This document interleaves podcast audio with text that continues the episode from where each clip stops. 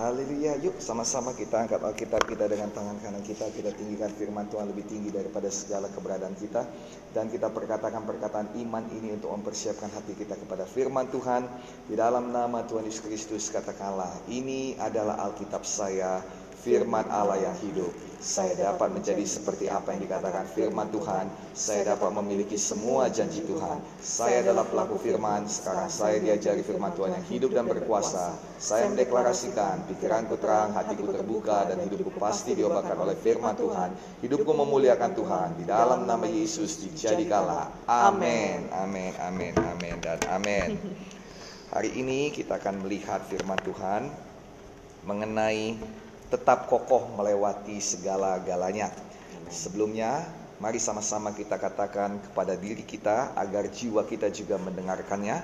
Mari sama-sama kita katakan, kita akan melewati semua badai ini kita akan melewati semua badai ini. Kita akan melalui segala krisis ini. Kita akan melewati semua krisis ini. Kita pasti keluar sebagai pemenang. Kita pasti keluar sebagai pemenang. Saya berdoa itu dijadikan untuk kemuliaan Amen. Tuhan di dalam nama Tuhan Yesus Kristus. Amin.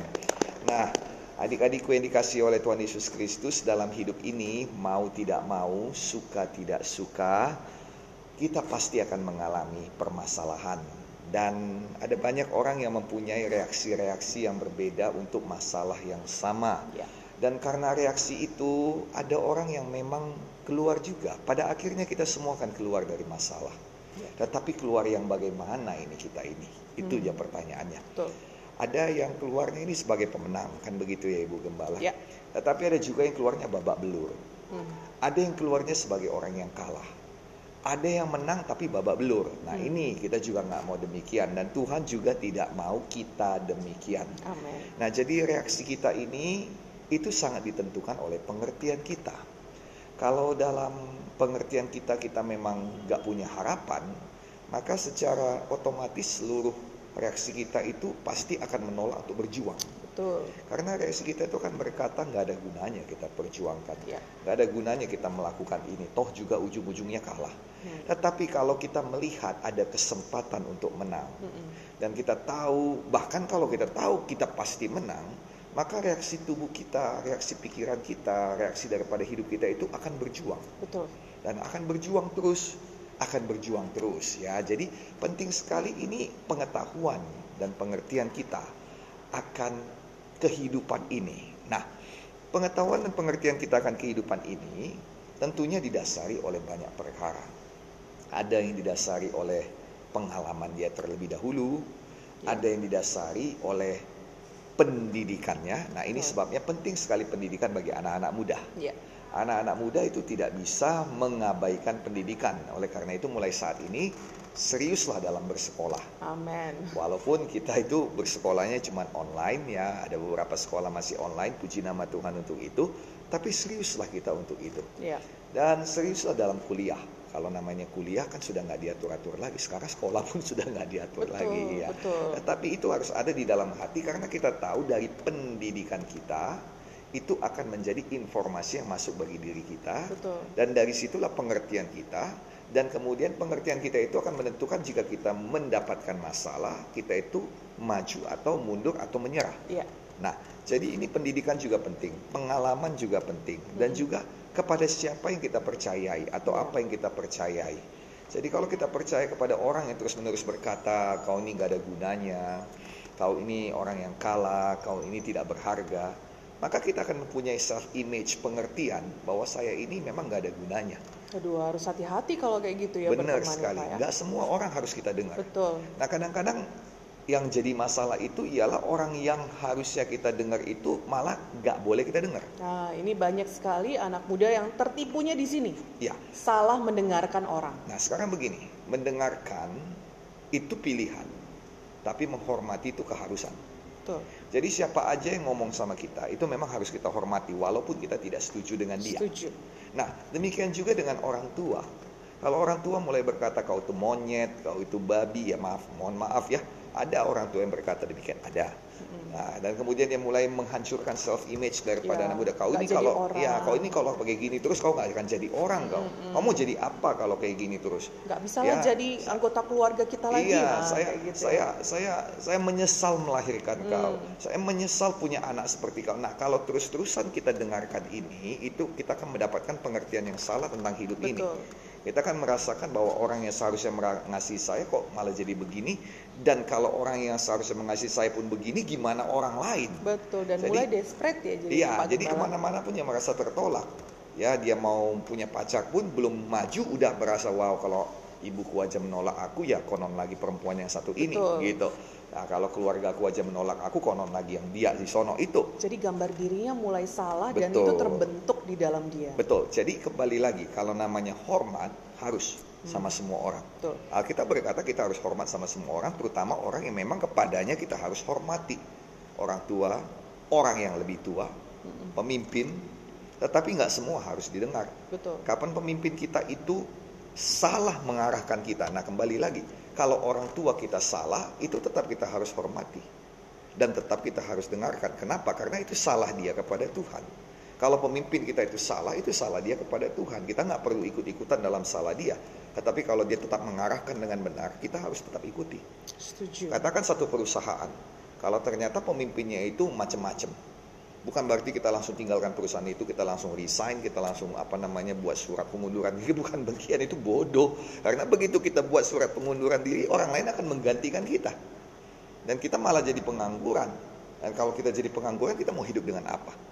Mana ini sekarang zaman jadi susah. Jadi kita itu nggak bisa bodoh dalam arti kata kalau misalnya pemimpin kita itu buat jahat, pemimpin kita itu buat yang nggak benar, katakan dia ditangkap polisi karena sesuatu hal, bukan berarti kita harus keluar dari perusahaan itu, bukan berarti kita harus keluar dari gereja itu, enggak. Kita harus tetap ada di situ bukan karena dia, tetapi kita punya misi di tempat itu. Ya. Kalaupun kepala sekolahnya ternyata ada sesuatu hal terjadi pada dia, ya kita nggak, wah kalau begini kepala sekolah saya juga begini, saya nggak berhenti aja sekolah deh, nggak mau sekolah lagi, bukan begitu. Bukan gitu. Itu satu satu entah dari mana dapatnya pengajaran kayak gitu ya. Tapi ada ada orang kayak gitu. Itu pendetanya udah salah itu nggak usah lagi kita ke gereja sana. Itu uh, apa namanya kepala sekolahnya juga begini begitu begini begitu banyak. Kita nggak usah lagi sekolah di sana. Bukan begitu. Jadi nggak demikian. Hormat harus hormat. Kalau dia salah itu urusan dia dengan Tuhan kita punya misi kita punya perjuangan karena kita juga punya sesuatu dalam hidup ini yang harus kita perjuangkan. Kita punya masalah sendiri. Orang lain kalah, kita nggak boleh kalah. Orang lain najis, kita nggak boleh najis. Orang lain berdosa, kita nggak boleh berdosa. Orang lain buat salah, kita tidak bisa tinggalkan satu tempat itu. Ya, banyak orang begini contohnya. Dia putus sama pacarnya. Lalu kemudian gara-gara dia putus sama pacarnya, jadi benci sama pacarnya. Lalu apa-apa yang mengingatkan dia pada pacarnya, dia mau hindari. Sekolah yang mengingatkan dia pada pacarnya, dia mau tinggali.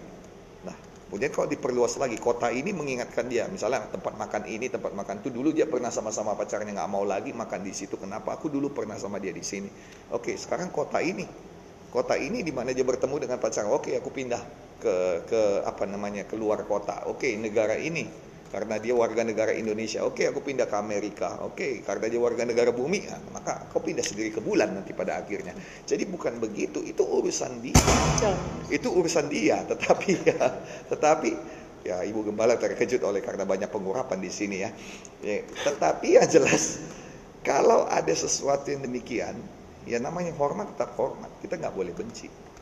Tetapi kita punya perjuangan, hidup kita ya. harus kita tata kita punya persoalan, kita punya tantangan dalam hidup ini. Ya. Nah, ini harus pertama-tama kita harus mengerti. Jadi ada dari pengalaman, ada dari pendidikan, dan juga dari apa yang jadi masukan-masukan bagi kita.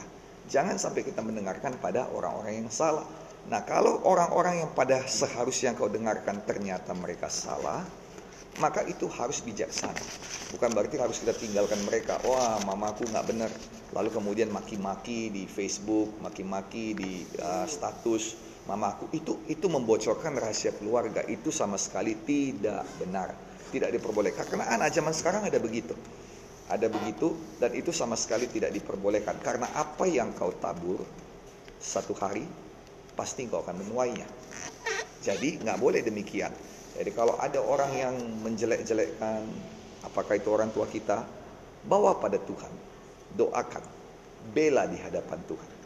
Nah, nanti Tuhan akan buka jalan pada kita. Jadi Tuhan itu hidup, Tuhan itu berkuasa. Alkitab saya mengatakan bahwa dia mendengarkan, dia tahu apa yang kita alami. Makanya oleh karena itu, jangan kita ragu untuk berdoa kepada Tuhan. Nah, kalau mereka mengatakan hal-hal yang tidak benar, ada satu sumber yang menjadi acuan apakah itu benar atau tidak yaitu firman Tuhan. Amin. Jadi kalau kita melihat orang-orang berkata tidak benar atau hidup kita atau pengertian kita pun tidak benar daripada firman, maka kita itu harus tidak mempercayainya. Siapa pun itu. Nah, sekarang kalau pemerintah berkata sesuatu hal yang tidak benar sesuai firman, bukan berarti kita harus melawan dia. Kita tetap hormat, tapi kita tidak kompromi dengan permintaannya. Nah itu sebabnya saudara-saudari kita harus jaga hidup kita. Sebagai contoh ada beberapa negara-negara yang mengizinkan pernikahan gay. Nah bukan berarti karena diizinkan di negara itu pernikahan gay maka kita bisa menikah sesama jenis tidak. Kita tetap kita tetap menikah sesuai dengan firman Tuhan. Nah, tapi kalau mereka mau buat demikian itu urusan mereka dengan Tuhan. Tidak dengan serta merta kita tukar keluarga negaraan jadi warga negara Somalia misalnya saudara bukan demikian. Tetapi kita itu mengerti betul bahwa memang ini perlu didoakan. Nah ini dalam skala besar. Misalnya ada beberapa negara juga memberikan narkoba itu secara gratis dengan tujuan supaya mereka itu tidak menjadi pengedar narkoba. Jadi negara yang memberikan narkoba ada beberapa negara di Eropa yang melakukan demikian. Bukan berarti wow enak sekali. Kalau begitu saya juga boleh minta kepada pemerintah, saya juga boleh minta bahwa saya juga ikut ikut narkobaan. Bukan demikian. Nah itu adalah satu hal yang bodoh. Ada acuan firman Tuhan. Dan firman Tuhan hari ini berkata dalam 1 Petrus pasal 5 ayat 10 dikatakan. Dan Allah sumber segala kasih karunia telah memanggil kamu dalam Kristus kepada kemuliaan yang kekal. Akan melengkapi, meneguhkan, menguatkan dan mengokohkan kamu sesudah kamu menderita seketika lamanya. Jadi di sini dalam Alkitab bahasa Indonesia sehari-hari dikatakan, tetapi sesudah kalian menderita sebentar, Allah sendiri akan membuat kalian menjadi sempurna. Ia akan menegakkan dan menguatkan kalian serta mengokohkan kalian. Sebab ia adalah Allah yang sangat baik hati yang sudah memanggilmu untuk turut merasakan keagungannya yang abadi melalui Kristus. Jadi hari ini ada beberapa hal yang kita lihat, dua hal terutama. Yang pertama sekali dikatakan bahwa Tuhan sudah memanggil kita dan yang kedua dikatakan bahwa ada penderitaan seketika lamanya atau dalam uh, terjemahan lain dikatakan sekejap saja penderitaan. Nah, kita baca satu ayat lagi dari Roma 8 pasal 28 dikatakan, kita tahu sekarang. Jadi kalau dahulu belum tahu, sekarang ini tahu. Amin. Apa yang perlu diketahui? Inilah dia kebenaran firman bahwa Allah turut bekerja dalam segala sesuatu untuk mendatangkan kebaikan bagi mereka yang mengasihi Dia, yaitu bagi mereka terpanggil. Lagi-lagi dikatakan terpanggil sesuai dengan rencana Allah. Dalam bahasa Indonesia sehari-hari Alkitab kita berkata demikian, kita tahu bahwa Allah mengatur segala hal.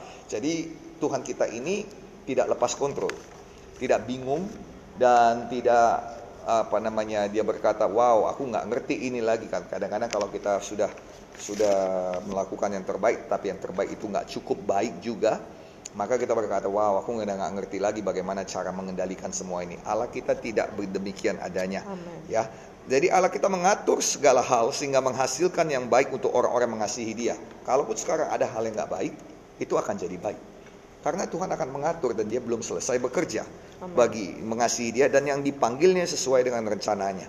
Jadi ada dua hal yang perlu kita lihat di sini. Yang pertama yaitu memang ada penderitaan, tapi sebentar aja. Dan ya. yang kedua bagi orang yang terpanggil. Nah, Amen. dengan cepat saya ceritakan dulu bahwa Tuhan memanggil kita semua. Karena kita berkata, Dia tidak ingin seorang pun binasa. Ya. Jadi tidak ada orang yang tidak dipanggil oleh Tuhan. Tetapi permasalahannya apakah engkau mendengar panggilannya? Iya. Dan apakah engkau mau menjawab panggilannya? Nah, kebanyakan anak-anak itu kalau mamanya manggil ya, dia pura-pura nggak dengar. Dia pura-pura nggak dengar kenapa? Karena dia tahu bahwa setiap kali mamanya manggil pasti ada tugas, pasti ada kewajiban. Dia lupa kadang-kadang kalau mama bapaknya memanggil itu ada berkat juga. Iya. Bahwa ada kadang-kadang dibawa jalan-jalan, kadang-kadang juga dibawa diberikan diberikan hadiah, kadang-kadang dibawa makanan yang enak. Nah, saudara, memang dalam hidup ini ada hak dan juga ada kewajiban. Ya. Tetapi banyak anak-anak yang begitu pemikirannya anak-anak. Nah, jangan sampai orang Kristen pemikirannya anak-anak di mana kalau dipanggil Tuhan pasti pelayanan aja, pasti akan hal-hal yang uh, sesuai kewajiban saja. Pasti itu aja, itu aja. Enggak, ada berkat juga. Jadi jawab panggilan Tuhan. Amin. Tuhan memanggil kita semua. Jadi jawab panggilan Tuhan dan dengan panggilan Tuhan kita diselamatkan dengan panggilan Tuhan kita sampai kepada rencana Tuhan. Karena Tuhan nggak sekedar manggil-manggil. Sekarang ini kan ada orang manggil, ya, hey sini dulu. Kita sudah datang, lalu kemudian kita ada apa? Dia katakan nggak apa-apa, ngetes hmm. aja. Iya pernah tuh. iya, yang kayak gitu kayak gitu nggak ada sama Tuhan yang kayak gitu kayak gitu itu semuanya nggak guna. Kalau Tuhan memanggil, dia punya rencana. Amen. Sebabnya Rasul Paulus berkata dalam Roma 8 ayat 28 dikatakan yang terpanggil sesuai dengan rencana Tuhan. Jadi kita perlu mendengarkan panggilan Tuhan. Amen. Saya ajak muda-mudi sekarang ini jangan sia-siakan hidupmu. Ada yang berkata begini lagi Bu Gembala. Nantilah kalau soal panggilan Tuhan nanti. Nanti kalau saya sudah tua. Nah, persoalannya dia nggak tahu sampai nah, berapa nah, lama umurnya. Nomor satu itu. Nomor dua, kalau perusahaan dunia ini aja ada batasan umur, nggak iya. usahlah yeah. jadi jadi manajer, nggak usahlah jadi tingkatan tinggi. Orang yang salesman aja, lihat aja itu lowongan-lowongan kerja di pintu-pintu apa namanya uh, toko-toko. Dia kasih tahu umurnya berapa, ada batasan umur. Yeah. Nah, apakah saudara pikir kalau namanya ikut Tuhan ini nggak ada batasan umur. Udah tua pun bisa dipakai Tuhan. Betul bisa dipakai Tuhan. Tapi ingat baik-baik yang dikatakan sudah tua bukan dipakai Tuhan lagi. Tapi harus berbuah. Ya dan Yaitu, apa ya saudara mau ngasihkan sama Tuhan yang sisa-sisa usia, iya. sisa-sisa tenaga. Betul. Nah, kalau berbuah itu harus sampai tua. Iya.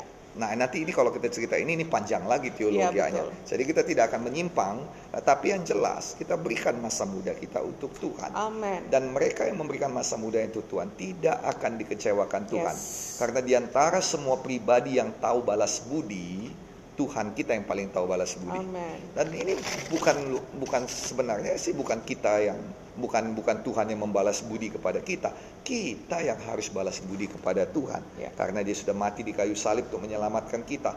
Takkan pernah kita bisa menang dalam hal kebaikan kepada Tuhan. Betul. Itu sebabnya jangan khawatir menjawab panggilan Tuhan. Jangan khawatir untuk menjadi hamba Tuhan. Jangan khawatir untuk masuk Institut Alkitab Rema. Amen. Jangan khawatir untuk boleh sampai kepada rencana Tuhan. Karena sehebat-hebatnya rencana yang kau buat dalam hidupmu. Nomor satu ya, rencana Tuhan pasti lebih baik. Amen. Nomor dua, kalaupun kau punya rencana yang hebat dalam hidupmu, belum tentu kau punya kemampuan dan modal untuk mencapainya. Betul. Tapi kalau Tuhan yang berencana, dia punya modal dan kemampuan untuk menyampaikan engkau ke sana. Jadi nomor jadi dari nomor satu dan nomor dua ini kita tahu betul bahwa Tuhan punya rencana yang besar dan dia punya kemampuan untuk membawa kita ke sana. Jadi mengapa kita itu takut untuk menyerahkan diri pada Tuhan? Nah kita berkata Well, kalau namanya menyerahkan diri sama Tuhan pasti banyak tantangan. Well, hidup di dunia ini juga banyak tantangan. Iya. Tidak ada tempat di dunia ini yang tidak ada tantangan. Kita sampai pada poin kita nomor dua. Kalau tadi nomor satu kita harus terpanggil oleh Tuhan. Kita semua dipanggil oleh Tuhan. Dan kita harus mendengar dan menjawab panggilan Tuhan. Nomor dua, semua orang dalam hidup ini harus mengalami penderitaan. Hmm. Tapi penderitaan itu sekejap. Dan penderitaan itu datang beda-beda kok. Semua orang pasti ada, jangan kita berpikir penderitaan kita paling hebat. Nah ini dia kalau manusia ini biasanya dia merasa bahwa penderitaannya paling hebat dan caper. Ya caper, wah kau tuh harus perhatiin aku dong ya.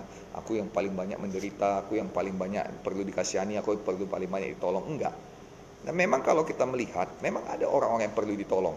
Biasanya mereka yang memang penderitaannya hebat betul, atau posisinya itu sangat-sangat krusial dalam satu tempat itu memang kita perlu bantu, itu memang kita perlu tolong. Nah, jadi tidak semua orang yang merasa dirinya itu perlu ditolong, perlu ditolong. Karena seperti misalnya ada pengemis-pengemis yang merasa dirinya mengatakan dia perlu ditolong, padahal sebenarnya dia tidak perlu ditolong. Dia ya. sehat, dia kuat, dia tidak cacat, dan dia bisa bekerja dengan baik, hanya saja dia malas. Nah orang-orang tersebut juga tidak perlu ditolong. Jadi kita harus punya pengertian yang benar mengenai ini. Nah, tapi ini yang namanya penderitaan sekejap ada sama semua orang dan semua orang mengalami dalam bentuk beda-beda. Ya, jadi jangan ada yang berpikir bahwa kalau saya ikut Tuhan maka nggak akan ada penderitaan. Ya kalau saya ikut Tuhan itu berkat mengalir tak, tak akan berhenti. Betul berkat mengalir tidak berhenti tetapi berkat itu juga disertai dengan tantangan. Berkat itu disertai dengan tanggung jawab. Berkat itu disertai dengan bentukan. Sama seperti kalau kita sekolah. Maka akan ada nilai-nilai baik, akan ada pujian dari guru, akan ada acknowledgement, pengakuan daripada teman-teman, akan ada surat ijazah, akan ada ranking, akan ada hal-hal yang baik, akan ada trofi mungkin ya kalau kita menang kejuaraan-kejuaraan dari sekolah kita dalam bidang pendidikan atau olahraga. Akan ada hal-hal yang baik itu, tetapi di situ juga ada ujiannya. Betul sekali. Di situ juga ada juga apa namanya tekanannya, di situ ada tantangannya. Jadi demikian juga hidup kita ini, hidup kita ini bagaikan sekolah yang panjang di dunia ini. Hmm. Jadi akan ada hal-hal yang baik, tetapi ada juga penderitaan sekejap. Jadi jangan katakan Wah kalau ikut Tuhan itu penuh berkat. Oh. Memang betul penuh berkat. Yeah. Itu satu sisi mata uang. Tapi tanpa sisi yang satu, mata uang tersebut tidak akan berlaku. Demikian juga dengan kehidupan ini, dia punya dua sisi. Satu sisi pasti ada berkat. Satu sisi pasti ada tantangan. Ada penderitaan sekejap. Jadi kalau kita tahu hal ini, mengerti, maka kalau pada satu saat kita itu menderita, kita tahu berkat pasti datang pada Amen. kita. Kita tidak akan menyerah. Kalau pada saat ini berkat melimpah pada kita, itu artinya Tuhan sedang mempersiapkan kita untuk tantangan yang lebih besar lagi. Jadi jangan langsung difoya-foyakan itu berkat. Jangan langsung melonjak tinggi atau jadi orang yang tidak apa namanya tidak punya batas lagi ya, atau menjadi orang yang sombong. Iya kaya orang kaya baru OKB ya. Jangan demikian. Tetapi biarlah kita itu tetap rendah hati Amen. tetap mawas diri tetap berjaga-jaga dan kita itu mempersiapkan diri untuk tantangan yang lebih besar Amen. lagi. Karena Tuhan punya sesuatu yang lebih baik lagi pada kita. Jadi dalam dunia ini Alkitab mengatakan dalam Yohanes 16 ayat 33 dikatakan dalam dunia ini kamu akan menderita penganiayaan, tetapi kuatkanlah hatimu, aku telah mengalahkan dunia. Wah, ini Tuhan ngancam, bukan. Tuhan berkata di atasnya semua ini kukatakan kepadamu supaya kamu boleh boleh damai sejahtera dalam aku. Loh gimana aku dapat damai sejahtera? Kalau dikatakan dalam dunia ini ada penderitaan, nah ini perlu kita ingat, penderitaan itu sekejap. Tidak ada satupun penderitaan yang apa namanya, yang terus-menerus terjadi kepada kita. Nah, mengenai penderitaan ini ada dua hal yang perlu kita ketahui. Ada tiga hal. Yang pertama sekali penderitaan ini datang ber, pada orang berbeda-beda. Ya. Sebagai contoh di Alkitab, bagi Abraham dia nggak pernah miskin. Abraham itu dia nggak pernah miskin, dia nggak pernah kekurangan, dan dia juga dia juga uh, orangnya dihormati, tidak pernah tidak dihormati, bahkan temannya adalah raja-raja. Nah, tetapi bentuk penderitaannya ialah penantian yang panjang untuk janji Tuhan. Ya, Baru umur 100 tahun baru dia dapatkan anaknya Anak. yang pertama. Ya. Nah, bagi Musa dia itu mengenai anak nggak ada masalah. Dia punya ya. anak Gersom, dia punya anak lagi yang lain-lain. Tetapi bentuk kehilangannya ialah kehilangan kedudukan. Tadinya dia adalah orang yang terpandang di Mesir, tetapi karena dia berusaha untuk mengikuti panggilan Tuhan, maka dia terpaksa melarikan diri menjadi buronan di iya. padang belantara. Nah, bagi Ayub lain lagi. Dia itu malah kehilangan semuanya. Ya. Bagi Esther dia sudah kehilangan semuanya. Malah ditambah lagi ketika dia mau masuk menjadi salah seorang kandidat untuk menjadi permaisuri raja, dia harus lagi mengalami pelatihan satu tahun lagi. Jadi ada yang mengalami penderitaan itu dalam bentuk pelatihan. Ya. Dan dalam pelatihan itu dia harus mengekang diri. Karena ada ideal katakan di Alkitab, pada suatu hari raja mau mengetes mereka semua yang ya. mau jadi permaisurinya. Jadi dibukakan ruang harta raja. Jadi apa yang mereka ambil itu jadi milik mereka. Dan banyak ini semua orang-orang mengambil sebanyak-banyak yang mereka bisa. Tapi Esther hanya mengambil satu barang yang mana itu dikatakan oleh uh, apa nama Hagai, Hegai, Hegai yaitu apa namanya yang yang mengasuh dia. Dan itu membuat raja menjadi senang kepada Esther. Ya. Nah, kemudian bagi Daud dia memang nggak punya duit pada waktu itu. Ya, dia memang nggak punya kedudukan. Malah dia itu apa namanya penganiayaannya dia harus berhadapan lagi dengan Goliat. Yeah. Diejek oleh saudara-saudarinya, dilupakan oleh ayahnya, dan kemudian bagi Yusuf lain lagi, dia dicintai oleh ayahnya, tetapi dikianati oleh saudara-saudarinya. Yeah. Dan kemudian bagi Yesus sendiri pun ada padang gurun. Jadi Tuhan Yesus sendiri pun tetap punya penderitaan sekejap ini. Jadi tidak semuanya hidupnya semuanya baik begitu. Ya. Gimana kabarmu? Baik. Gimana kabarmu? Luar biasa, baik. Gimana kabarmu? Oh, ajaib, luar biasa, baik. Gak, gak demikian. Bahkan Tuhan Yesus umurnya hidup tetap ada orang-orang yang menentang dia. Ya. Orang Farisi, orang Saduki, orang-orang apa namanya ahli-ahli Taurat tetap menentang dia. Selalu ada yang demikian dalam hidup ini. Tetapi kita harus tahu Amin. bahwa ini datangnya beda-beda. Jadi kenapa beda-beda? Karena kalau kita semua punya masalah yang sama, siapa menolong siapa? Betul. Semuanya nggak punya duit, siapa yang bisa ngasih duit? Semuanya lagi bersedih, siapa yang membawa sukacita? Tetapi kita punya masalah yang beda-beda supaya kita boleh saling menolong satu dengan yang lainnya. Memang dalam hidup ini dikatakan untuk masuk ke dalam panggilan Tuhan kita harus melalui jalan yang sesak.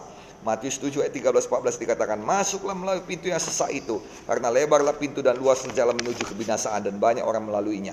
Banyak orang-orang sekarang pesta-pesta aja. Mereka tidak mau hidupnya berarti. Mereka mau hidup untuk diri mereka sendiri, menikmati hidup. YOLO, you only live once. Iya, betul. Ya, oke, memang betul. Kita only live once. Tapi justru karena itu hidup kita harus menjadi berkat. Harus bermanfaat bagi orang lain. Kalau hidup ini cuma menjadi besar, hidup ini cuma menjadi orang hebat, semua bisa buat. Tetapi kalau hidup ini menjadi berkat bagi orang lain, menjadi bermanfaat bagi orang lain, menjadi berkat bagi keluarga kita, berkat bagi teman-teman kita. Ini yang perlu kita itu pelajari dan perlu kita Amin. usahakan. Amin, amin. Nah, jadi yang pertama sekali penderitaan itu datangnya berbeda-beda supaya kita bisa saling tolong menolong. Jadi jangan anggap penderitaan saudara yang paling hebat, tetapi ada hal yang bisa saudara tetap bagikan pada orang lain, tetap menjadi berkat bagi orang lain. Nah, kita sambung sedikit. Tadi katakan, karena sesaklah pintu dan sempitlah jalan menuju pada kehidupan, dan sedikit orang yang mendapatinya. Jadilah orang yang sedikit ini memang sesak kita rasa, tetapi kita sampai kepada kehidupan dan sampai kepada maksud dan panggilan Tuhan. Nah, kemudian hal yang kedua dari tiga hal tadi ya. Yang kedua, semua penderitaan mempunyai tanggal kedaluarsa. Jadi kita melihat tadi dari Alkitab dikatakan dalam 1 Petrus 5 ayat 10 ya bahwa Allah sumber segala kasih karunia telah memanggil kamu dalam Kristus kepada kemuliaan yang kekal akan melengkapi, meneguhkan, menguatkan dan mengokohkan kamu sesudah kamu menderita seketika lamanya. Jadi semua penderitaan punya tanggal kedal- kedaluarsa. Amin. Jadi kalau ada engkau tidak punya duit, itu punya tanggal kedaluarsa. Kalau ada engkau yang tertekan, ada tanggal kedaluarsa. Amin. Jangan bodoh. Jangan merasa aku ini akan terus-terusan begini. Itu tipuan iblis. Engkau tidak akan terus-terusan jomblo. Kecuali kalau memang kau mau terus-terusan jomblo. Ada orang yang tidak melakukan apa-apa dengan penderitaannya. Nah itu bodoh. Ya. Kita harus melakukan sesuatu. Kalau kalau kita sudah tenggelam, kita tidak, hanya berdiam diri. Ya, kalau mau Ya. memang Tuhan mau menyelamatkan Ya, karam. Iya.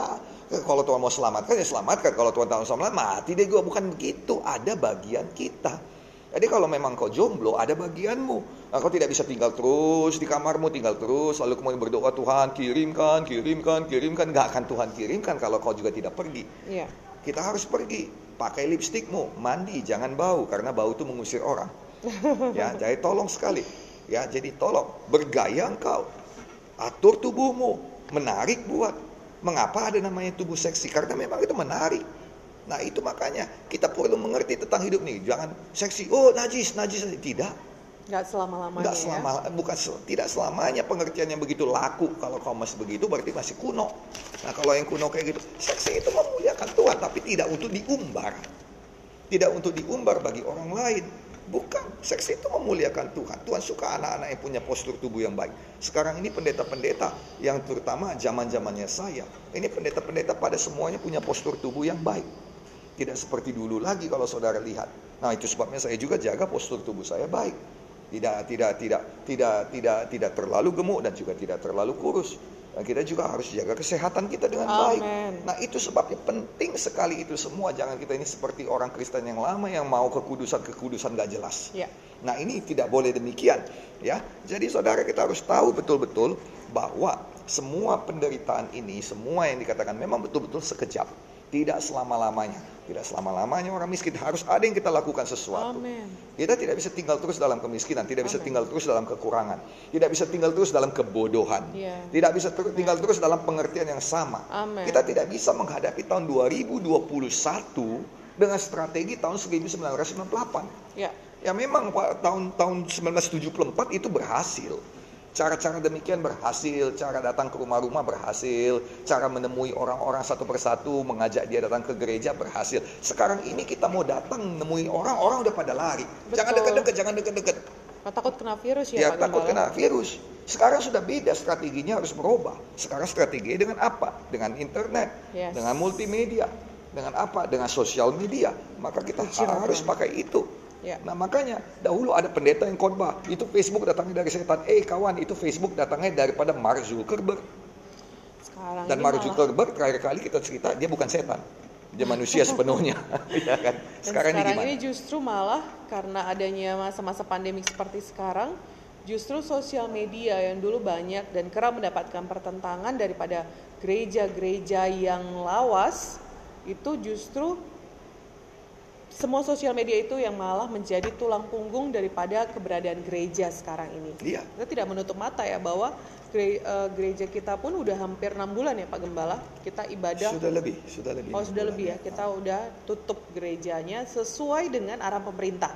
Bukan karena kita tidak mau, tetapi karena memang pemerintah menyarankan guna menghambat penyebaran virus adalah kita untuk meng- mengurangi jadwal ibadah bahkan ibadah dari rumah saja dulu. Iya. Nah harapannya adalah supaya ketika kita melakukan demikian kita mengurangi pergerakan kita sehingga virus tadi virusnya nggak punya kaki saudara. Bisa jalan-jalan nggak? Kita yang memindahkannya kita yang punya kaki. Oleh sebab itu ketika kita tidak terlalu banyak jalan kumpul dan juga bercengkrama di luar sana harapannya adalah masa pandemi ini segera berlalu dan kita bisa ibadah offline lagi. Betul. dan kalau teman-teman juga udah mendengar bahwa hari Jumat yang lalu kita sudah ibadah offline pemimpin kelompok sel dan juga pemimpin sektor di Gereja Kemenangan Iman Indonesia GKI Pusat Medan. Oleh sebab itu, teruslah saudara doakan supaya kelak kita bisa ibadah minggu bersama-sama lagi, ibadah offline. Iya. Heeh. Jadi ini semuanya pasti akan berlalu. Betul. Nah, ada tapi masalah yang strateginya nggak sama. Betul. Iya, kita ya. nggak ibadah sama seperti dahulu lagi. Ya, Tetapi ini pasti berlalu bahkan lebih baik lagi. Amin, Nah, amin, sekarang nomor dua yang kita nomor satu tadi kita lihat ini masalah datangnya beda-beda Betul. sama semua orang supaya kita bisa saling tolong-tolongan. Iya. Nah, nomor dua kita melihat semua masalah kita apa pun itu pasti akan berakhir.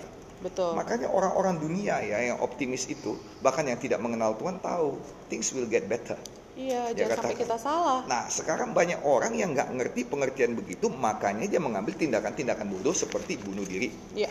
seperti jadi apatis. Ada juga yang memutuskan untuk eh, dianya itu aku mau apa pisah gitu. Ya, meng- mengunci Pisah, diri, iya. menutup diri. Heeh. Nah, itu apatis ya. Dia, Iya. dia apatis tidak peduli lagi orang pokoknya gua gua deh.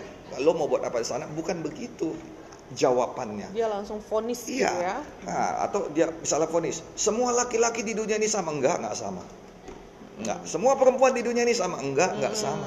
Semua orang tua di dunia ini sama enggak? Enggak sama. Enggak Semua anak-anak di dunia ini sama enggak? Enggak sama. Mm-mm. Semua gereja di dunia itu lebih bodoh lagi, enggak sama sayang. Itu bisa terjadi kalau saudara itu juga tidak punya dasar firman Tuhan yang kuat dan Iya. juga wawasannya kurang luas. Iya, mengambil satu keputusan tanpa Iya. fakta-fakta yang jelas itu karena kurang pendidikan. Betul. Ya, tanpa ada informasi yang jelas. Tadi itu makanya saya katakan tadi di awal tadi kita penting sekali memiliki informasi yang jelas dari orang-orang yang kita terima. Walau memang orang-orang yang kita terima, orang-orang yang tadinya seharusnya memang memberikan informasi yang benar, bisa jadi dia memberikan informasi yang salah. Maka kita harus tahu acuannya apa? Firman Tuhan. Betul. Maka kita harus kaya dengan firman Tuhan. Kita harus teguh berdiri Amin, di dalam amin. firman Tuhan. Amin. Kita harus mengerti firman Tuhan. Makanya kalau ada sesi-sesi pemuritan jangan diam-diam aja. Iya. Jangan wah lebih banyak main apa namanya eh, apa namanya Mobile Among- Legend. Among Us Ah, yang main- lagi happening. Ya main Among Us sekarang ya. Jangan.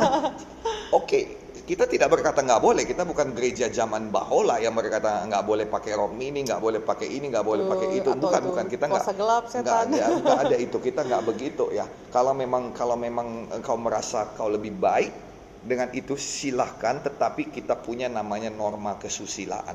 Ya. Kembali lagi seperti saya katakan tadi, seksi itu baik tetapi tidak untuk diumbar. Dan saudara juga tetap bisa main game, tapi kalau saudara sudah kerja habis-habisan seperti kuda. Ya betul. Jadi supaya imbang hidup ini, ada waktunya kerja, ada waktunya istirahat, relax. Ya betul. Jadi bukan berarti tidak boleh main game, bukan berarti tidak boleh tamasya, bukan berarti tidak boleh liburan. Tetapi kalau hidup ini tamasya semua, gimana mau hidup? Ya, hidup ini main-main terus, Main- dari main mana terus, dari bisa mana makan? datang. Nah, be- begitu. Jadi ini sekarang penting sekali kita tahu bahwa semua hal-hal nomor dua tadi, semua permasalahan hanya sekejap ada tanggal kedaluarsanya. Itu sebabnya kita harus ah, mempunyai satu satu apa yang benar, satu sikap yang benar Ya. untuk itu. Jadi sikap yang salah itu bunuh diri, apatis, mengurung diri, mengucilkan diri. Enggak, itu enggak. Jangan sampai ada itu sama anak muda. Amin. Justru ketika engkau putus pacar, bukan jawabannya mengurung diri. Nangis-nangis di kamar. Justru jawabannya apa? Pakai makeupmu. Pakai mandi baik. Buat dirimu. Pakai bajumu yang terbaik. Pergi keluar sana. Kalau memang mau balas dendam ya caranya bukan ditikamkan dia begitu. Tetapi punya pacar yang lebih baik lagi. Itu lebih bagus lagi. Jadi ada peningkatan dalam hidup. Tapi sebaiknya jangan karena balas dendam lah ya. Ya sebaiknya jangan karena balas dendam. Tapi itu dia kadang-kadang kita itu dibodoh-bodohi oleh perasaan. Kenapa? Iya. Karena kembali lagi tidak punya pemasukan yang baik. Bukan Iya. pemasukan uang tapi masukan Input pendidikan. ke dalam. Iya, ya. ah, atau orang-orang yang berbicara pada kita tidak baik. Iya. Jadi itulah dia. Nah, kalau kita lihat dari Alkitab, Abraham tidak terus-menerus menunggu dalam hidupnya. Dia tidak mati menunggu. Tuhan berikan kepadanya apa yang dijanjikannya. Dia menikmati dengan janji-janji Tuhan itu. Dia Ya. menikmati dengan Ishak. Ya. Yang punya waktu-waktu dengan janji Tuhan. Musa tidak terus-menerus direndahkan dan dihinakan. Malah sebaliknya Musa itu malah sangat dimuliakan. Saking dimuliakannya itu, Musa itu harus dikubur oleh Tuhan sendiri. Ya. Supaya orang Israel jangan ke kuburannya dan menyembah Musa. Dan kemudian Esther tidak, eh, maaf, Ayub tidak terus-menerus miskin. Malah dia mendapatkan dua kali ganda. Betul. Alkitab mengatakannya tidak terus-menerus miskin, tidak terus-menerus menderita. Semua penderita itu sekejap. Ya. Dan Tuhan mengizinkan kita untuk di sana supaya kita itu bisa mempersiapkan diri kembali lagi, mempersiapkan diri untuk berkat, untuk pemulihan. Esther tidak terus-menerus dilatih. Dilatih lagi, oh belum selesai, latih lagi, latih enggak. Dia- Pada akhirnya dia menjadi permaisuri. Amin. Goliat tidak terus-menerus menghantui orang Israel. Tidak terus-menerus mengancam 40 hari dia mengancam. Nah, tapi kemudian Daud datang mengalahkan dia. Amin. Dan kemudian sejak itu Daud meningkat, meningkat, meningkat, meningkat. Pada akhirnya dia menjadi raja Iya. Israel. Maksud Tuhan jadi. Kehendak Tuhan jadi. Rencana Tuhan jadi. Yusuf tidak terus-menerus dikhianati dalam hidupnya. Ya, dia dikhianati oleh banyak orang. Dikhianati oleh saudaranya. Dikhianati oleh istri tuannya yang dilayani dengan sangat baik. Dikhianati oleh juru minuman raja. Yang mana Iya. di- dilayaninya juga yang sangat baik. Ya, tetapi dia ti- tidak terus-menerus dikhianati. Pada akhirnya dia ada di atas saudara-saudaranya, dia ada di atas Potifar, dia ada di atas juru minuman raja, tapi dia walaupun ada kesempatan untuk balas dendam, Alkitab berkata dia tidak membalas dendam. Jadi ini adalah hal yang luar biasa. Kenapa? Karena dia tahu gak enaknya kalau dikhianati. Dia tahu gak enaknya dilupakan. Dia tahu gak enaknya kalau dia itu ditekan. Maka dia tidak melakukan hal yang sama kepada orang-orang yang menekan dia, yang mengkhianati dia. Nah, Tuhan Yesus juga ya tidak terus-menerus tinggal di padang gurun. Alkitab berkata dia keluar dari padang gurun. Dalam Lukas pasal 4 dikatakan kalau saya tidak salah 13 dengan kuasa Roh Kudus. Amin. Nah dalam pengkhotbah 31 dikatakan segala sesuatu ada masanya untuk apa pun di bawah langit ada waktunya bahasa Indonesia sehari-hari Alkitab kita mengatakan segala sesuatu di dunia ini terjadi pada waktu yang ditentukan Allah. Jadi ada waktu ditentukan Allah rencana Tuhan jadi pada ma- pada Amen. hidupmu. Ada waktunya kau diangkat Tuhan. Saya berbicara Amen. saat ini kepada orang-orang besar di masa yang akan Yes. datang. Kepada bupati-bupati masa da- akan datang, gubernur-gubernur masa yang akan datang dan juga kalau boleh mudah-mudahan Presiden Republik Indonesia. Kalau tidak Presiden Amen. Direktur dalam nama Yesus. Amin. Amin. Saya berdoa, jadilah itu. Nah, saudara, Tuhan tidak meminta kita untuk mengerti segala sesuatu jalan-jalannya. Karena memang jalan Tuhan tidak dimengerti, tapi bisa dijalani. Amin. Tuhan minta kita untuk percaya ketika kita menjalaninya. Percaya kalau hari ini ada masalah, tetap percaya. Ya memang bikin stres lah, kadang-kadang tekanan darah naik, kadang-kadang kita menangis, emosional, ada yang marah, tetapi jangan dendam. Ya marah, boleh. Alkitab berkata boleh marah, tapi jangan sampai matahari terbenam sebelum padam amarahmu. Kalau sudah berhari-hari nggak padam juga amarahmu itu dendam namanya. Dan dendam nggak boleh. Alkitab berkata sah-sah aja Tuhan Yesus pun marah. Jadi ada orang berkata kenapa Pak Pendeta marah? Tuhan Yesus juga marah. Pak kami para pendeta hanya mengikuti teladan Tuhan Yesus. Tapi tidak boleh berhari-hari, berbulan-bulan, bertahun-tahun tidak. Nah sekarang ini penting sekali ya. Bagaimana caranya supaya kita kita dapat kita dapat sampai pada maksudnya jalani dengan iman. Amen. Jalani dengan iman. Jalani dengan iman. Amsal 3 6 berkata, Akuilah dia dalam segala lakumu, maka ia akan meluruskan jalanmu. Selalu akui Tuhan. Ada hal-hal yang buruk jadi pada kita, kita katakan Tuhan pasti tolong. Ada hal-hal yang tidak enak pada kita, kita katakan Tuhan pasti menolong. Nah, putus pacar, Tuhan pasti berikan yang lebih baik. Kiranya dia juga mendapat yang lebih baik lagi. Jangan cuma kita aja dapat lebih baik. Kita juga harus doakan orang supaya orang juga mendapat yang terbaik dalam hidupnya. Nah, jadi Kemudian kalau kita dapat yang baik, kita katakan semua pun karena kasih karunia Tuhan. Memang kita ada bagian kita, tetapi banyak orang di dunia ini bekerja lebih keras dari kita, tetapi tidak seberuntung kita. Banyak orang di dunia ini yang bekerja lebih hebat daripada kita, tapi kalau Tuhan tidak buka jalan, ya tidak akan mengalami apa yang seperti kita alami. Jadi kita harus akui, memang betul-betul itu adalah pekerjaan Tuhan dalam hidup kita. Jadi saudara-saudari, adik-adikku yang dikasih oleh Tuhan Yesus Kristus, nomor satu tadi penderitaan itu beda-beda supaya kita bisa saling tolong-tolongan. Tidak ada kita yang punya semua penderitaan yang sama supaya semuanya tenggelam. Tidak. Beda-beda. Saling tolong-tolonganlah kita. Dan kemudian nomor dua sekarang mengenai penderitaan. Bahwa penderita itu punya masa kedaluarsa. Tidak selama-lamanya engkau menderita, tidak selama-lamanya engkau jomblo, tidak selama-lamanya engkau miskin, tidak selama-lamanya engkau dikhianati, Amen. tidak selama-lamanya engkau menunggu, tidak selama-lamanya engkau engkau tertekan, tidak selama-lamanya engkau engkau engkau ya dibenci, tidak ada saatnya engkau pasti dimuliakan Tuhan.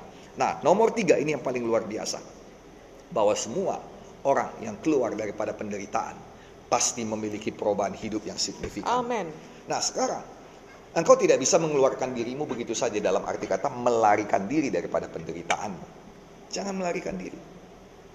Jangan kalau memang kayak Tuhan Yesus 40 hari di padang gurun, 40 hari dia di padang gurun. Hmm. Tidak 20 hari mentang-mentang dia anak Allah, segala Allah anak Tuhan di atas segala Tuhan, raja di atas segala raja, dia bisa melakukan segala sesuatu, maka udahlah, udah cukuplah lima hari aja, udah cukuplah seminggu aja, udah cukuplah tiga hari aja. Enggak, kalau memang 40 hari, 40 hari. Pada waktunya Tuhan, dia keluar dan dia keluar dengan kuasa roh kudus. Pada waktunya Tuhan, dia keluar dan dia keluar dengan kemenangan yang besar. Tetapi sebelum waktunya keluar, kita harus bisa tetap percaya, menikmati bentukan Tuhan. Nah, jadi jelas sekali di sini dikatakan bahwa ada perubahan-perubahan hidup yang signifikan. Nah saudara jangan khawatir karena ada batasan yang diberikan Tuhan kepada semua persoalan kita. Amin. Alkitab berkata jelas ada batasan diberikan Tuhan pada setan sehingga dia tidak bisa melampaui batasan tersebut. Tuhan kasih batasan. Yang pertama sekali dikatakan bahwa setan memang berusaha untuk mengalahkan Ayub. Tetapi setan sendiri pun mengaku engkau yang membangun pagar di sekeliling Ayub aku nggak bisa buat apa-apa. Lalu Tuhan cabut pagar itu tapi Tuhan kasih batasan. Tuhan kasih batasan, jangan jamah dia. Lalu kemudian Tuhan kasih batasan, boleh jamah dia, tapi jangan ambil nyawanya. Kenapa Tuhan berkata demikian? Karena Tuhan mau satu hari Ayub akan mendapat dua kali ganda. Amin. Tuhan bisa pulihkan, Tuhan bisa kembalikan. Apa pun yang dicuri, dicuri setan. Yang jelas Alkitab berkata batasannya apa? Tidak melebihi kesanggupan kita. Amen. Masalahnya kita selalu berpikir aku nggak sanggup. Masalahnya kita selalu berpikir aku nggak mampu melewati ini. Aku nggak mampu menjadi gembala sidang. Aku nggak mampu. Ah, itu sih sebenarnya satu hal yang baik ya. Yang paling ngeri kita kalau ada orang merasa mampu. Mungkin lebih ya. tepatnya dia bergantung sama Tuhan ya. Kalau misalnya dia merasa tidak aku mampu, tidak mampu, itu ya. dia ditipu oleh setan karena setan tidak bisa mengubah firman. Ya. Bahwa persoalan yang datang kepada kita tidak pernah bisa melebihi kesanggupan kita. Betul. Karena Tuhan itu adil. Hmm dia nggak bisa ngubah firmannya tapi dia bisa menipu kita seolah-olah persoalan itu lebih besar daripada kemampuan kita. Ya. Dan ketika kita mulai bersandar kepada Tuhan, mereka akan mulai setan akan mulai berkata bahwa sesungguhnya pekerjaanku itu lebih besar daripada Tuhan. Ya. Tuhan itu lambat-lambat nolong kamu kayak gitu. Ya. Jadi kita perlu sadar bahwa sesungguhnya Tuhan sengaja mengizinkan semua persoalan itu datang dan dia pastikan itu tidak melebihi filternya yaitu kesanggupan kita. Nah, banyak pendeta-pendeta ini salah lagi. Banyak saya dulu selalu mendengar, oh saudara-saudara yang kasih dalam nama Tuhan Yesus Kristus bahwa memang persoalan itu tidak melebihi kesanggupan kita karena kita penuh Roh Kudus. Roh Kudus yang ada dalam kita akan menolong kita melewati persoalan itu betul, memang betul setengah. Roh Kudus betul ada dalam kita. Roh Kudus pasti akan membantu kita dalam melewati semua masalah kita betul. Tapi yang dikatakan Alkitab bukan tidak melampaui kekuatan Roh Kudus. Oh, kalau itu ya pasti tidak mungkin itu pasti tidak mungkin. Tidak ada di dunia ini yang bisa melampaui kekuatan Roh Kudus. Tidak ada apa pun, tidak ada. Jadi kalau kita sudah penuh Roh Kudus, sudah pasti kita akan menang. Makanya penuhlah dengan Roh Kudus supaya Amen. engkau pasti menang. Nah sekarang kalau memang demikian, hanya dengan kekuatan Roh Kudus kita bisa menang, maka orang dunia gak akan bisa menang. Gak akan ada orang berhasil yang lain selain daripada orang Pentakosta karismatik. Tetapi ternyata di dunia ini banyak orang lain, bahkan orang-orang agama lain pun banyak yang berhasil. Di Jepang ada orang-orang agama Shinto yang berhasil. Di Timur Tengah banyak orang-orang kaya yang beragama Muslim yang berhasil. Di daerah-daerah Thailand orang-orang yang wow konglomerat konglomerat keras dunia yang beragama apa namanya Hindu beragama ya di, di, di, di maaf di India Hindu ya di Thailand Buddha ya di tempat-tempat lain. Kenapa? Karena memang ini firman tidak melebihi kesanggupanmu sebagai manusia. Jadi kita sebagai manusia pun Tuhan izinkan. Tuhan dengarkan, saya punya khotbah dahulu bahwa orang-orang yang lahir di dunia ini adalah pemenang-pemenang. Dan memang itu takdirmu. Takdir kita. Bahwa kita yang lahir di dunia ini lebih kuat daripada persoalan kita. Jadi kalau saudara betul-betul tahu, hari ini pun saudara bangun dan saudara tahu persoalan apa pun yang jadi padamu hari ini, engkau lebih kuat daripada itu. Apalagi kalau kau penuh roh kudus tentunya engkau akan menjadi lebih luar biasa lagi. Nah, jadi dengan pengertian-pengertian tersebut, ya kita harus melihat bahwa persoalan kita bukan luar biasa. Dahulu, dahulu kita lihat persoalan kita itu luar biasa. Sekarang hmm. terbalik, ya. yang luar biasa itu adalah kita, Amen. bukan persoalan kita. Nah, walaupun demikian kita nggak boleh menyepelekan persoalan. Bukan langsung kita sepele, ah kecil lah itu bukan demikian. Yeah. Kita harus mengatasinya dengan sungguh-sungguh. Kita harus mempelajarinya dan mempunyai jalan keluar yang betul-betul kita harus mendoakannya, kita harus mengerjakannya. Nah, kemudian kalau dahulu kita melihat persoalan itu lebih besar, aduh aku nggak sanggup. Sekarang terbalik, persoalan itu lebih kecil daripada kita. Hmm. Pasti lebih kecil, nggak ada yang sama. Rasa-rasanya pun, oh sama ini. Enggak, karena firman Tuhan berkata, tidak melebihi kesanggupanmu. Saya bacakan kepada kita semuanya 1 Korintus 10 13. Pencobaan-pencobaan yang kamu alami adalah pencobaan-pencobaan biasa yang tidak melebihi kekuatan manusia. Sebab Allah setia, dan karena itu ia tidak akan membiarkan kamu dicobai melampaui kekuatanmu. Pada waktu kamu dicobai, ia akan memberikan padamu jalan keluar sehingga kamu dapat menanggungnya. Jadi, jelas sekali. Nomor tiga, Mungkin kita berpikir kita tidak mampu mengatasi persoalan kita. Iyalah kalau kau mampulah kau. Kau kan hebat banyak uangmu. Kau kan hebat banyak kenalanmu. Aku ini apalah. Aku nggak punya banyak uang. nggak punya banyak kenalan. Sekarang ini bukan demikian. Kita dengan apa yang diberikan Tuhan pada kita bisa dengan bakat, dengan talenta yang diberikan Tuhan pada kita, dengan apa yang ditaruhkan Tuhan di tangan kita, bisa. Kalau Tuhan taruhkan teman, bisa. Kalau Tuhan taruhkan uang, bisa. Kalau enggak pun ada yang lain yang Tuhan taruhkan pada kita dan kita bisa mengatasi masalah kita. Nah, Alkitab juga memberikan kepastian bahwa Tuhan pasti memberikan jalan keluar. Nah, sekarang kalau kita ada dalam persoalan, ada dalam kegelapan, kita belum melihat jalan keluar. Bukan berarti jalan keluar itu tidak ada. Alkitab menjanjikannya ada jalan keluar dan kalau Tuhan berjanji dia tidak akan bohong. Maka apa yang harus kita lakukan? Kita harus terus jalan. Tetap berjalan sampai kita lihat jalan keluar. Dan Amen. kalau sudah kita lihat jalan keluar, berjalanlah ke arah jalan keluar tersebut.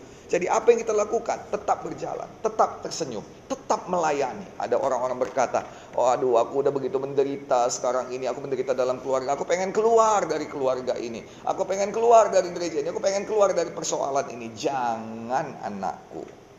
Saya pernah melayani satu orang gadis yang kerjanya keluar aja salah tawaran lebih bagus kerjanya keluar keluar keluar dan pada akhirnya sekarang tidak ada perusahaan yang mau menerima dia.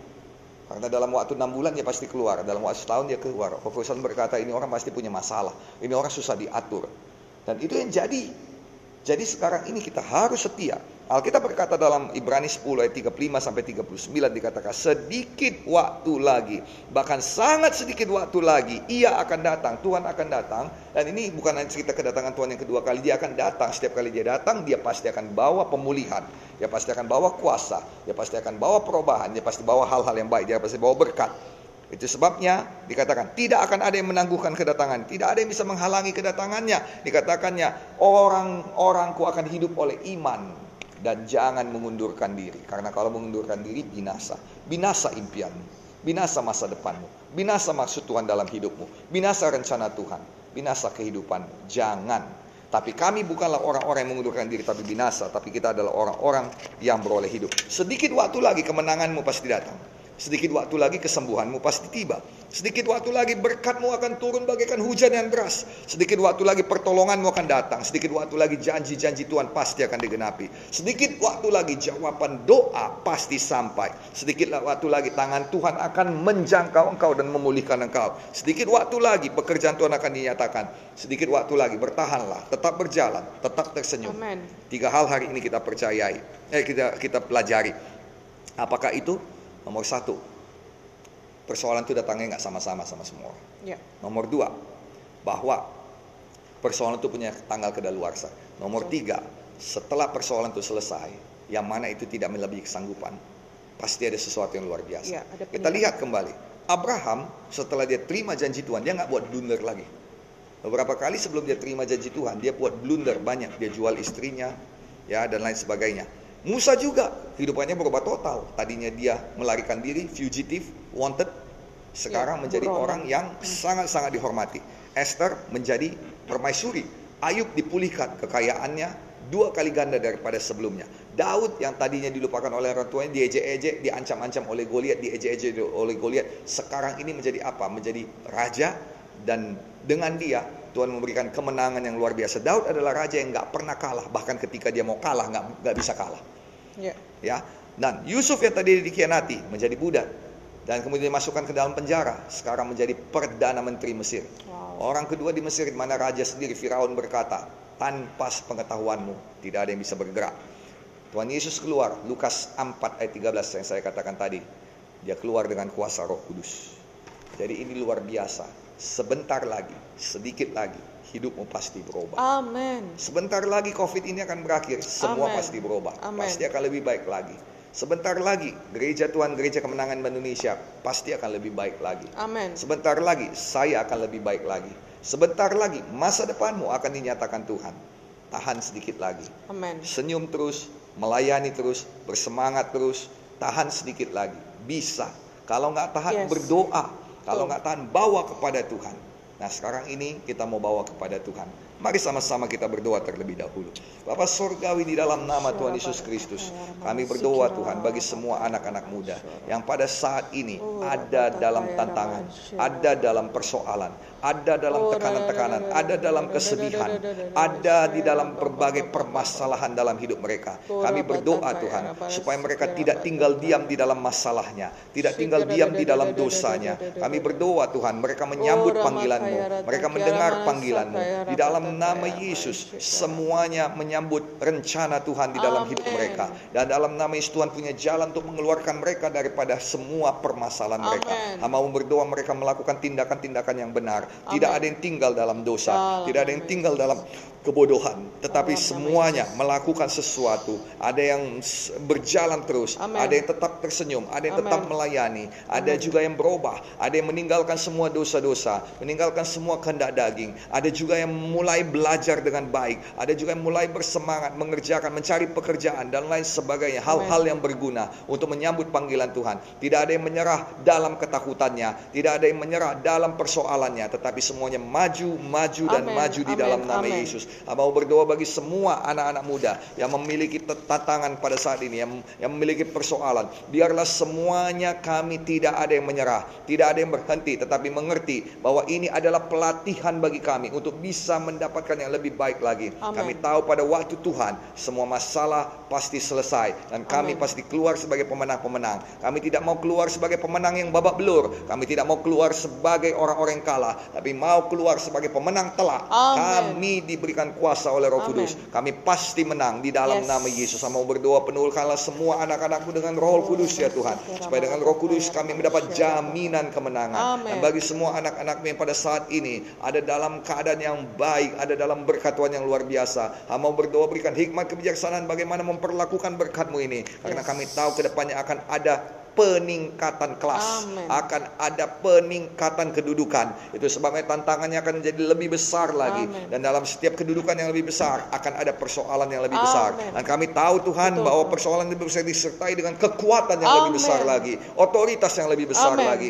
Itu sebabnya Tuhan kami berdoa, biarlah itu jadi supaya ada peningkatan di dalam kehidupan Amin. kami. Kami tidak mau tetap pada tempat kami sekarang No. ini. Kami tidak mau tetap pada tempat kami 10 tahun yang lalu. No. Kami tidak mau memakai strategi yang sama 20 tahun yang lalu. No. Kami mau kau berikan hikmat kebijaksanaan. Tuhan. kami mau kau berikan pada kami pertolonganmu. Kami mau kau berikan pada kami uh, kekuatan daripadamu, Amin. hikmat yang baru daripadamu supaya kami boleh menjalankannya. Kami tidak mau ketinggalan oleh dunia ini. Kami mau ada di depan untuk kemuliaan nama Tuhan. Yes. Jadilah di dalam nama Dalam Tuhan nama Yesus Yesus. Kristus. Dalam nama Yesus kami berdoa. Terima kasih Tuhan. Haleluya. Nah, adik-adikku yang dikasih oleh Tuhan Yesus Kristus, sekarang waktunya kita sambut panggilan Tuhan. Kita mau berdoa doa kampunan dosa. Apabila saudara-saudara merasa diri orang berdosa dan tidak tahu jika meninggalkan dunia ini ke mana ke sorga atau ke neraka, Mari kita doakan doa ini. Apabila kita mau menyambut panggilan Tuhan, mari kita doakan doa ini dengan sepenuh hati. Mari kita sama-sama berdoa, ikutilah doa ini dengan dengan sungguh-sungguh. Taruhlah tangan kiri di dada tanda kita membuka hati kepada Tuhan Yesus. Taruhlah angkatlah tangan kanan ke atas tanda kita memanggil Tuhan Yesus. Maka sama-sama kita berkata,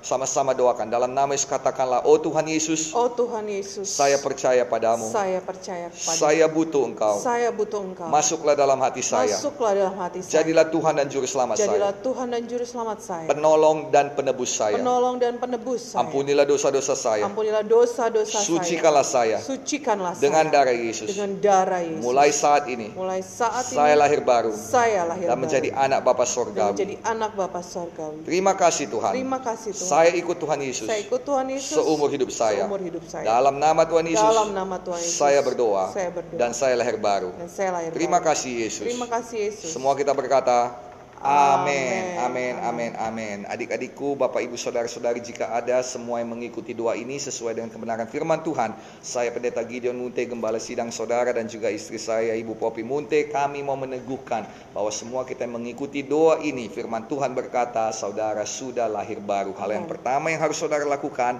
adalah untuk dibaptiskan.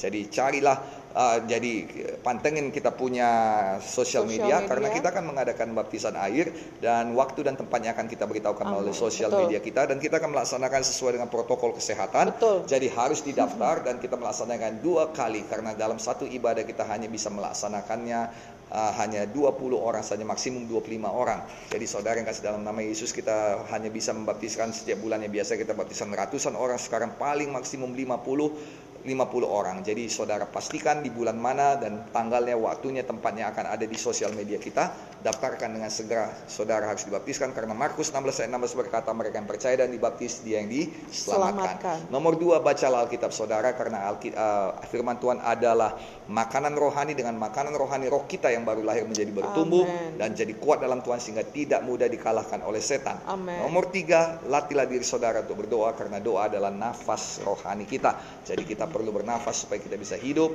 dan dengan doa kita pasti mendapatkan kehidupan dari Tuhan. Nomor empat yang terakhir saudara yang harus kita lakukan ialah kita harus punya keluarga di mana kita boleh saling mengasihi satu dengan yang lainnya dan juga di mana kita boleh sama-sama melayani Tuhan. Dalam hal ini saya dan juga istri saya kami semua yang bertugas di Gereja Kemenangan Indonesia menyambut Bapak Ibu saudara-saudari selamat datang di Gereja Kemenangan Iman Indonesia. Sama-sama kita merasakan hadirat Tuhan, sama-sama kita diberkati oleh Tuhan, sama-sama kita melayani Tuhan. Tuhan Yesus kiranya memberkati kita luar biasa.